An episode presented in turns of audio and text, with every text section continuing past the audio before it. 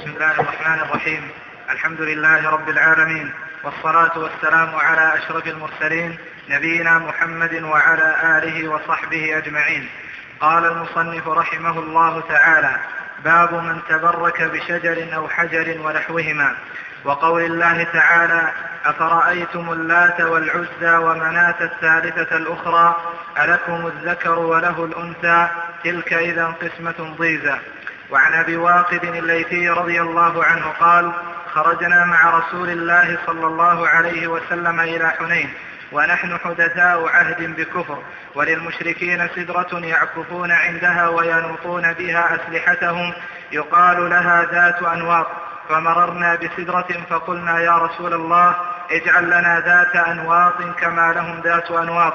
فقال رسول الله صلى الله عليه وسلم الله أكبر إنها السنن. قلتم والذي نفسي بيده كما قالت بنو إسرائيل لموسى اجعل لنا إلها كما لهم آلهة. قال إنكم قوم تجهلون. لتركبن سنن من كان لتركبن سنن من كان قبلكم. رواه الترمذي وصححه. قال باب قال بعد ذلك رحمه الله باب من تبرك بشجر أو حجر ونحوهما. وقول الله تعالى أفرأيتم اللات والعزى الآيات. باب من تبرك بشجر أو حجر ونحوهما. يعني ما حكمه؟ باب من تبرك بشجر أو حجر ونحوهما. ما حكمه؟ الجواب هو مشرك. يعني باب باب من تبرك بشجر أو حجر ونحوهما فهو مشرك. وقوله من تبرك التبرك تفعل من البركة وهو طلب البركة. والبركة مأخوذة من حيث الاشتقاق من مادة بروك أو من كلمة بركة. أما البروك فبروك البعير يدل على ملازمته وثبوته في ذلك المكان.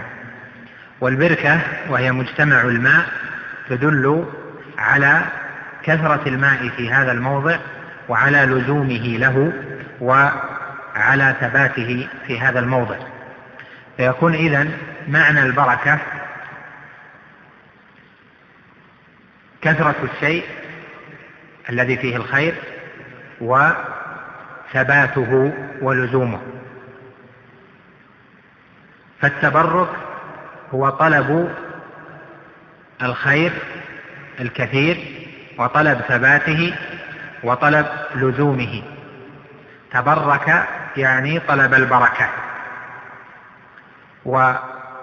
والنصوص في القرآن والسنة دلت على أن البركة من الله جل وعلا وأن الله جل وعلا هو الذي يبارك وأن الخلق لا أحد يبارك أحدا وإنما هو جل وعلا الذي يبارك.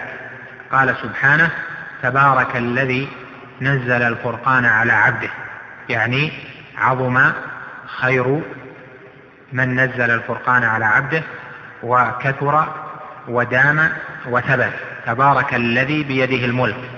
وقال سبحانه وباركنا عليه وعلى إسحاق وقال وجعلني مباركا فالذي يبارك هو الله جل وعلا. فلا يجوز للمخلوق أن يقول باركت على الشيء أو أبارك فعلكم لأن لفظ البركة ومعنى البركة إنما هي من الله لأن الخير كثرته لزومة ثباتة إنما هو من الذي بيده الأمر. والنصوص في الكتاب والسنة دلت على أن البركة التي أعطاها الله جل وعلا للأشياء إما أن تكون الأشياء هذه أمكنة أو أزمنة وإما أن تكون تلك الأشياء من بني آدم يعني مخلوقات آدمية. أما الأمكنة والأزمنة فظاهر أن الله جل وعلا حين بارك بعض الأماكن كبيت الله الحرام وكما حول بيت المقدس الذي باركنا حوله والأرض المباركة ونحو ذلك أن معنى أنها مباركة أن يكون فيها الخير الكثير اللازم الدائم لها ليكون ذلك أشجع في أن يلازمها أهلها الذين دعوا إليها.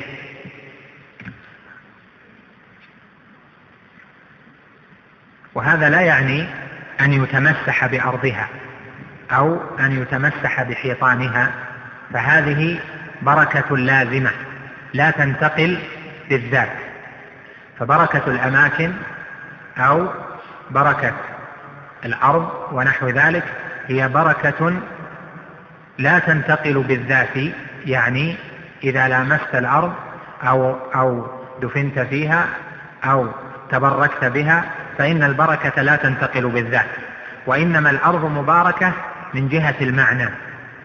كذلك بيت الله الحرام هو مبارك لا من جهة ذاته يعني أن يتمسح به فتنتقل البركة وإنما هو مبارك من جهة ذاته من جهة المعنى يعني اجتمعت فيه البركة التي جعلها الله في هذه البنية من جهة تعلق القلوب بها وكثرة الخير الذي يكون لمن أرادها وعتاها وطاف بها وتعبد عندها.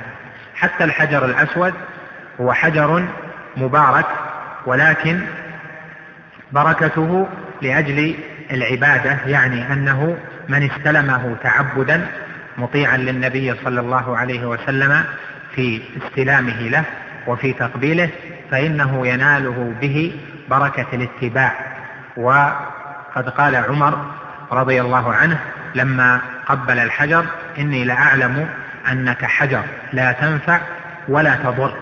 قوله لا تنفع ولا تضر يعني لا ينقل لأحد شيئا من النفع ولا يدفع عن أحد شيئا من الضر.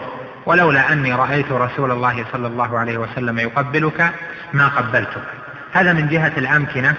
وأما الأزمنة فمعنى كون الزمان مباركا مثل شهر رمضان أو بعض أيام الله الفاضلة يعني أن من تعبد فيها ورام الخير فيها فإنه يناله من كثرة الثواب ما لا يناله في غير ذلك الزمان والقسم الثاني البركة المنوطة ببني آدم والبركة التي جعلها الله جل وعلا في الناس إنما هي بركة في من آمن. لأن البركة من الله جل وعلا وجعل بركته للمؤمنين به. وسادة المؤمنين هم الأنبياء والرسل والأنبياء والرسل بركتهم بركة ذاتية يعني أن أجسامهم مباركة. فالله جل وعلا جعل جسد آدم مباركا وجعل جسد إبراهيم عليه السلام مباركا وجعل جسد نوح مباركا. وهكذا جسد عيسى وموسى عليهم جميعا الصلاة والسلام جعل أجسادهم مباركة بمعنى أنه لو تبرك أحد من أقوامهم بأجسادهم إما بالتمسح بها أو بأخذ عرقها أو بالتبرك ببعض الشعر فهذا جائز لأن الله جعل أجسادهم مباركة. وهكذا النبي صلى الله عليه وسلم محمد بن عبد الله جسده أيضا جسد مبارك. ولهذا جاء في الأدلة في السنة أن الصحابة كانوا يتبركون بعرقه يتبركون بشعره وإذا توضأ اقتتلوا على وضوئه وهكذا في أشياء شتى. ذلك لأن أجساد الأنبياء فيها بركة ذاتية يمكن معها نقل أثر هذه البركة أو نقل. البركة والفضل والخير من أجسادهم إلى غيرهم. وهذا مخصوص بالأنبياء والرسل. أما غيرهم فلم يرد دليل على أن ثم من أصحاب الأنبياء من بركتهم بركة ذاتية. حتى أفضل هذه الأمة أبو بكر وعمر فقد جاء بالتواتر القطعي أن الصحابة والتابعين والمخضرمين لم يكونوا يتبركون بأبي بكر وعمر وعثمان وعلي بجنس تبركهم بالنبي صلى الله عليه وسلم بالتبرك بالشعر أو بالوضوء أو بالنخامة أو بالعرق أو بالملابس ونحو ذلك. فعلمنا بهذا التواتر القطعي أن بركة أبي بكر وعمر إنما هي بركة عمل ليست بركة ذات تنتقل كما هي بركة النبي صلى الله عليه وسلم. ولهذا جاء في الحديث الصحيح الذي رواه البخاري في صحيحه أن النبي صلى الله عليه وسلم قال إن من الشجر شجرة. قال إن من الشجر لما بركته كبركة المسلم. فدل هذا على أن في كل مسلم بركة. وأيضا فيه يعني في البخاري قال ما هذه بأو أحد الصحابة ما هذه بأول بركتكم يا آل أبي بكر؟ هذه البركة التي أضيفت لكل مسلم وأضيفت لآل أبي بكر بركة عمل. هذه البركة راجعة إلى الإيمان وإلى العلم والدعوة والعمل. فنقول كل مسلم فيه بركة. هذه البركة ليست بركة ذات وإنما هي بركة عمل بركة ما معه من الإسلام والإيمان وما في قلبه من الإيقان والتعظيم لله جل وعلا والإجلال له والاتباع لرسوله صلى الله عليه وسلم. هذه البركة بركة العلم أو بركة العمل بركة الصلاح لا تنتقل وبالتالي يكون التبرك بأهل الصلاح هو الاقتداء بهم في صلاحهم. التبرك بأهل العلم هو الأخذ من علمهم والاستفادة من علومهم. وهكذا. ولا يجوز أن يتبرك بهم بمعنى يتمسح بهم أو يتبرك بريقهم لأن أفضل الخلق لم يفعلوا ذلك لأن أفضل الخلق من هذه الأمة لم يفعلوا ذلك مع خير هذه الأمة أبي بكر وعمر وعثمان وعلي. وهذا أمر مقطوع به. تبرك المشركين أنهم كانوا يرجون كثرة الخير ودوام الخير ولزوم الخير وثبات الخير بالتوجه إلى الآلهة. وهذه الآلهة يكون منها الصنم الذي من الحجارة ويكون منها القبر من التراب ويكون منها الوثن ويكون منها الشجر ويكون منها البقاع المختلفة غار أو عين ماء أو نحو ذلك. هذه تبركات مختلفة جميعها تبركات شركية. ولهذا جاء الشيخ رحمه الله قال باب باب من تبرك بشجر أو حجر ونحوهما. باب من تبرك بشجر أو حجر. الشجر جمع شجرة والحجر معروف والشجر معروف. ذلك أن المشركين كانوا يتبركون بالأشجار والأحجار. حتى في أول الدعوة في هذه البلاد كانت الأشجار كثيرة التي يتبرك بها والأحجار كثيرة. قال ونحوهما. نحوهما يعني نحو الشجر والحجر مثل البقاع المختلفة أو غار معين أو قبر أو عين ماء أو نحو ذلك من الأشياء التي يعتقد فيها أهل الجهالة. ما حكمه؟ الجواب أنه مشرك كما صرح به الشيخ عبد الرحمن بن حسن في شرحه فتح المجيد. باب من تبرك بشجر أو حجر ونحوهما فهو مشرك. الشراح في هذا الموضع لم يفصحوا. هل شرك المتبرك بالشجر والحجر شرك أكبر أو شرك أصغر؟ وإنما أدار المعنى الشيخ سليمان رحمه الله في التيسير بعد أن ساق تفسير آية النجم أفرأيتم اللات والعزى؟ قال في آخره مناسبة الآية للترجمة أنه إن كان ذلك في الشرك الأكبر إن كان التبرك شركا أكبر فظاهر. وإن كان شركا أصغر فالسلف يستدلون بالآيات التي نزلت في الأكبر على الأصغر. وتحقيق هذا المقام أن التبرك بالشجر أو بالحجر أو بالقبر أو ببقاع مختلفة قد يكون شركا أكبر وقد يكون شركا أصغر.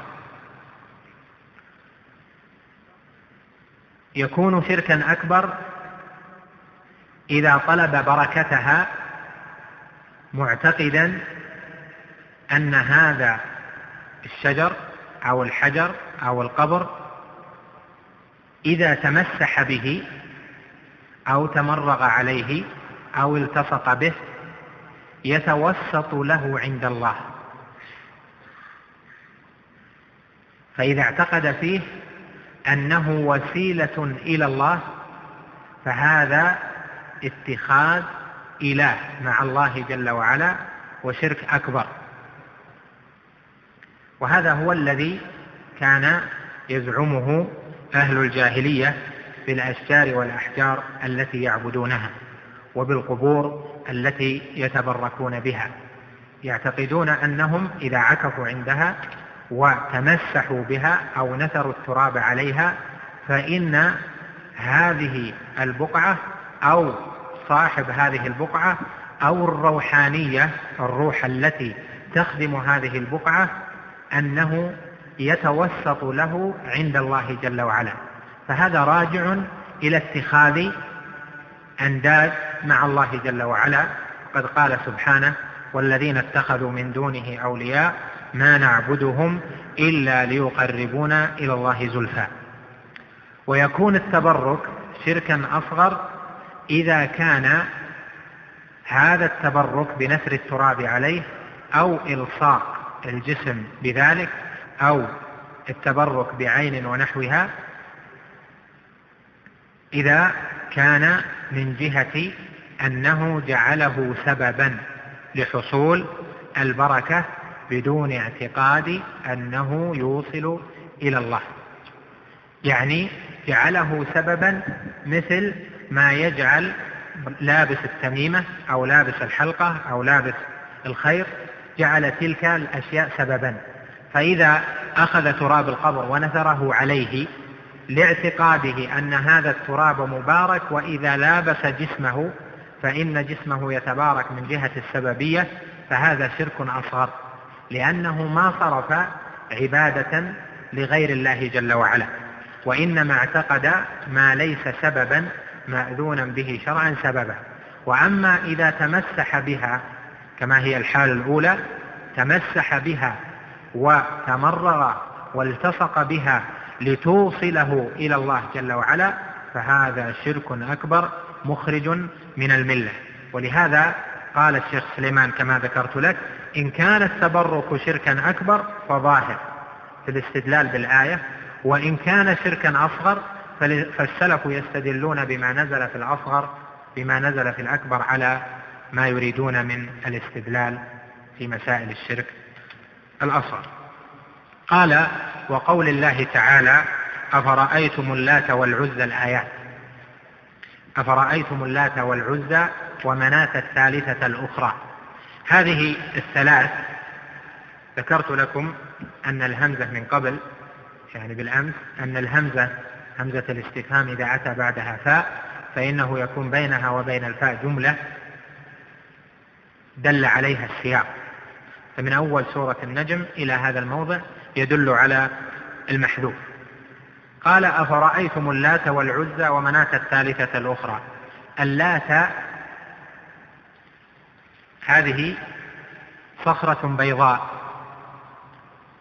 عند أهل الطائف وما هدمت إلا بعد أن أسلمت ثقيف أرسل لها النبي صلى الله عليه وسلم المغيرة بن شعبة فهدمها وكسرها وكان عليها بيت ولها سدنة ولها خدم.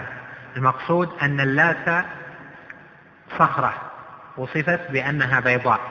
وفي قراءة ابن عباس وغيره من السلف قرأوها اللات أفرأيتم اللات؟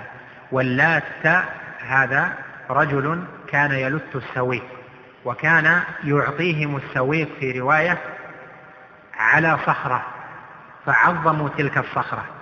وفي رواية أخرى يعني عن السلف أنه كان يلت لهم السويق فلما مات عكفوا على قبره.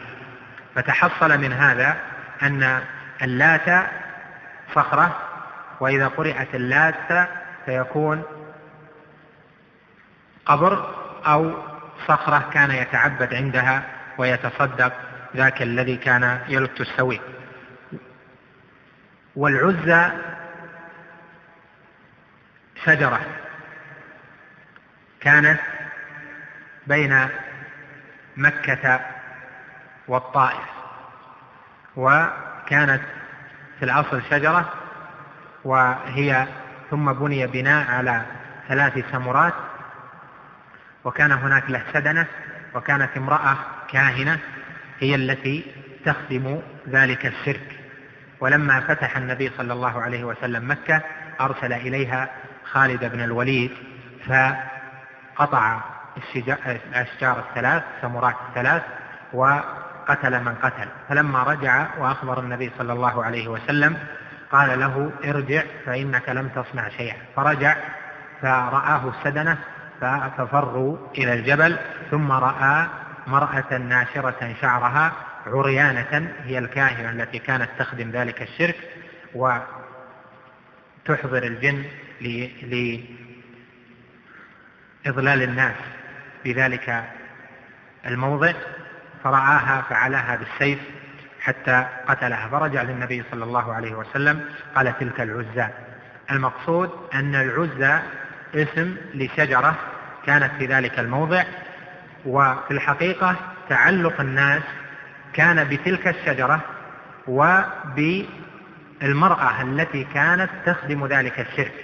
فلو قطعت الأشجار وبقيت المرأة فإن المرأة ستغري الناس مرة أخرى بما بما تذكره لهم أو ما تحكيه لهم أو ما تجيب به مطالبهم عن طريق الجن فيكون الشرك منقطع.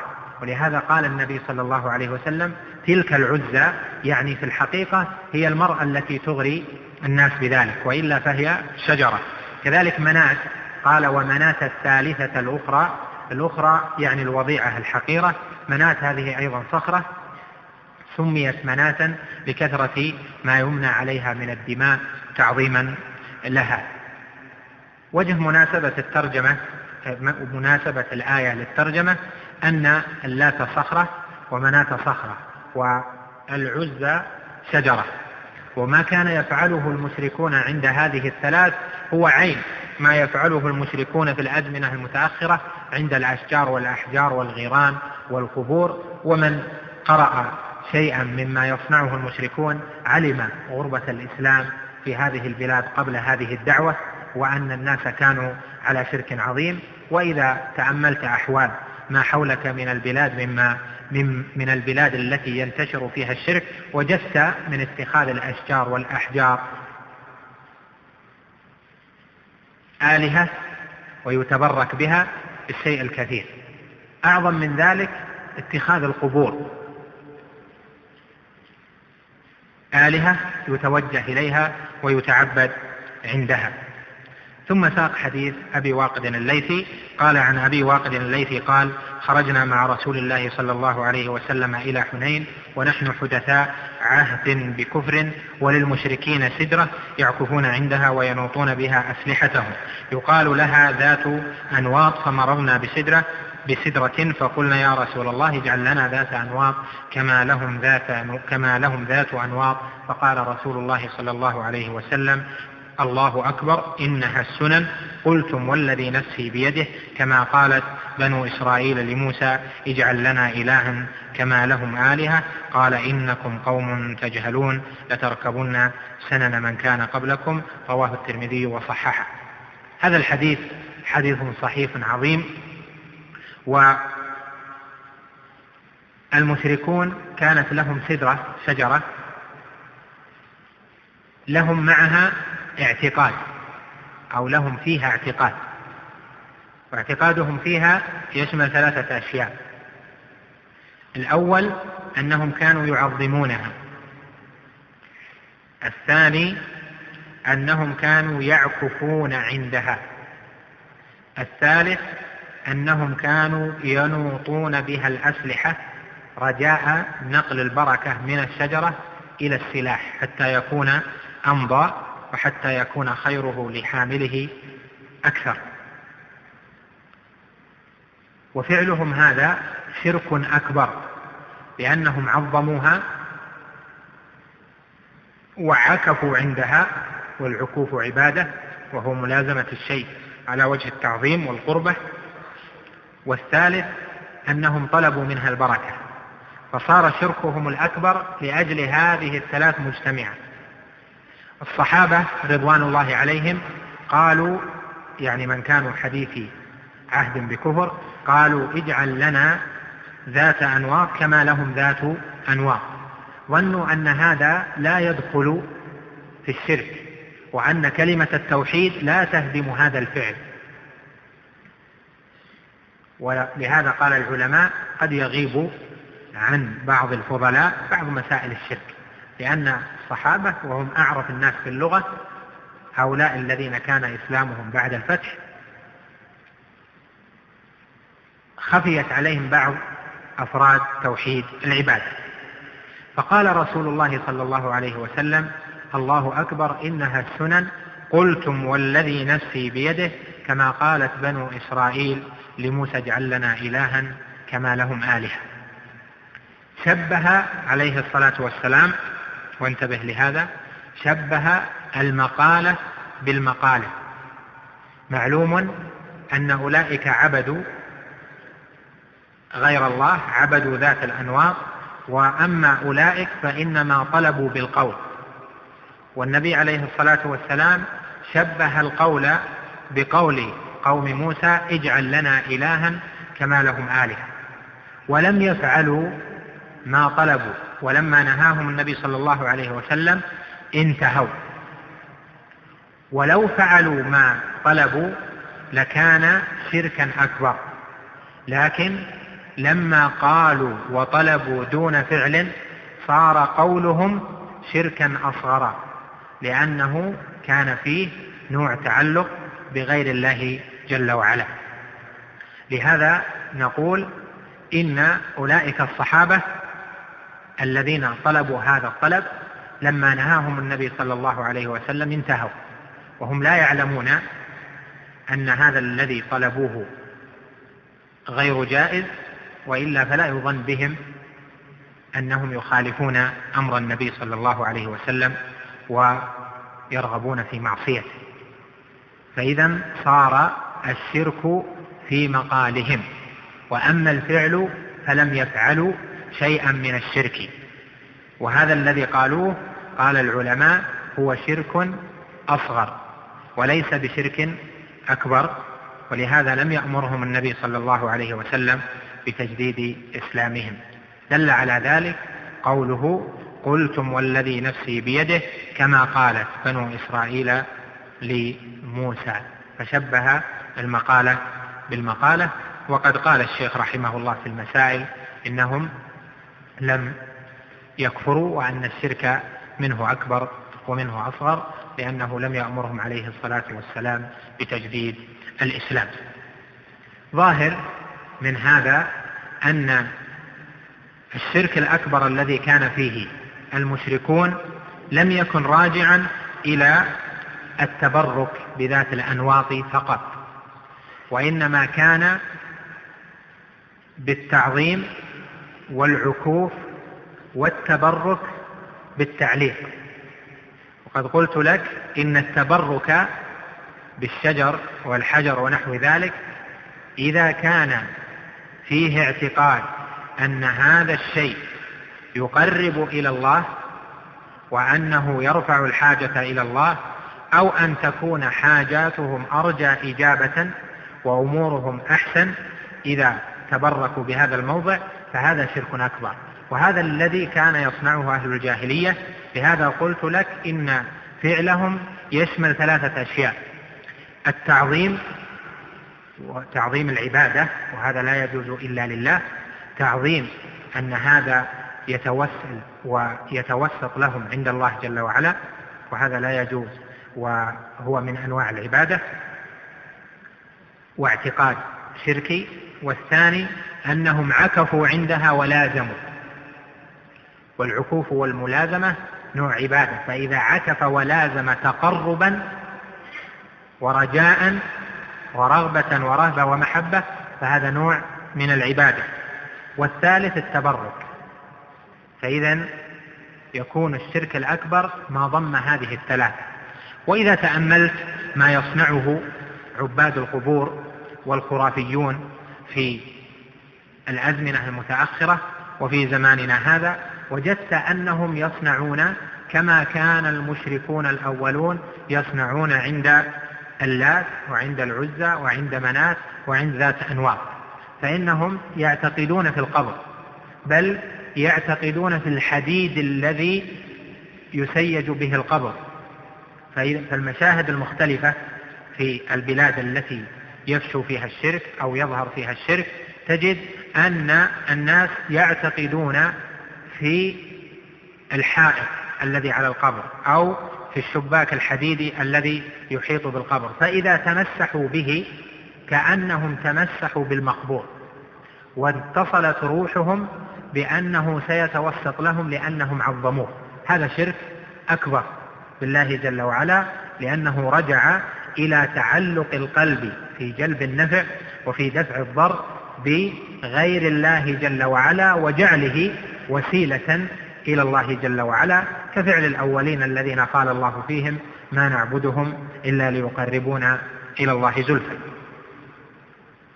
وأما الحالة الأخرى التي نبهتك في أول المقام عليها من أنه يجعل بعض التمسحات أسبابا مثل ما ترى بعض الناس الجهلة يأتي في الحرم ويتمسح بأبواب الحرم الخارجية. أو ببعض الجدران أو ببعض الأعمدة فهذا إن ظن أن ثم روحا في هذا العمود أو هناك أحد مدفون بالقرب منه أو ثم من يخدم هذا العمود من الأرواح الطيبة كما يقولون فتمسح لأجل أن يصل إلى الله جل وعلا فهذا شرك أكبر. وأما إذا تمسح باعتقاد أن هذا مكان مبارك وأن هذا سبب قد يشفيه قد يشفيه إذا قلنا إذا كان يتمسح بجعله سببا هذا يكون شركة شرك أصغر. وإذا كان تعلق قلبه بهذا المتمسح به أو المتبرك به وعظمه ولازمه واعتقد أن ثمة روحا هنا أو أنه يتوسل به إلى الله فإن هذا شركا أكبر.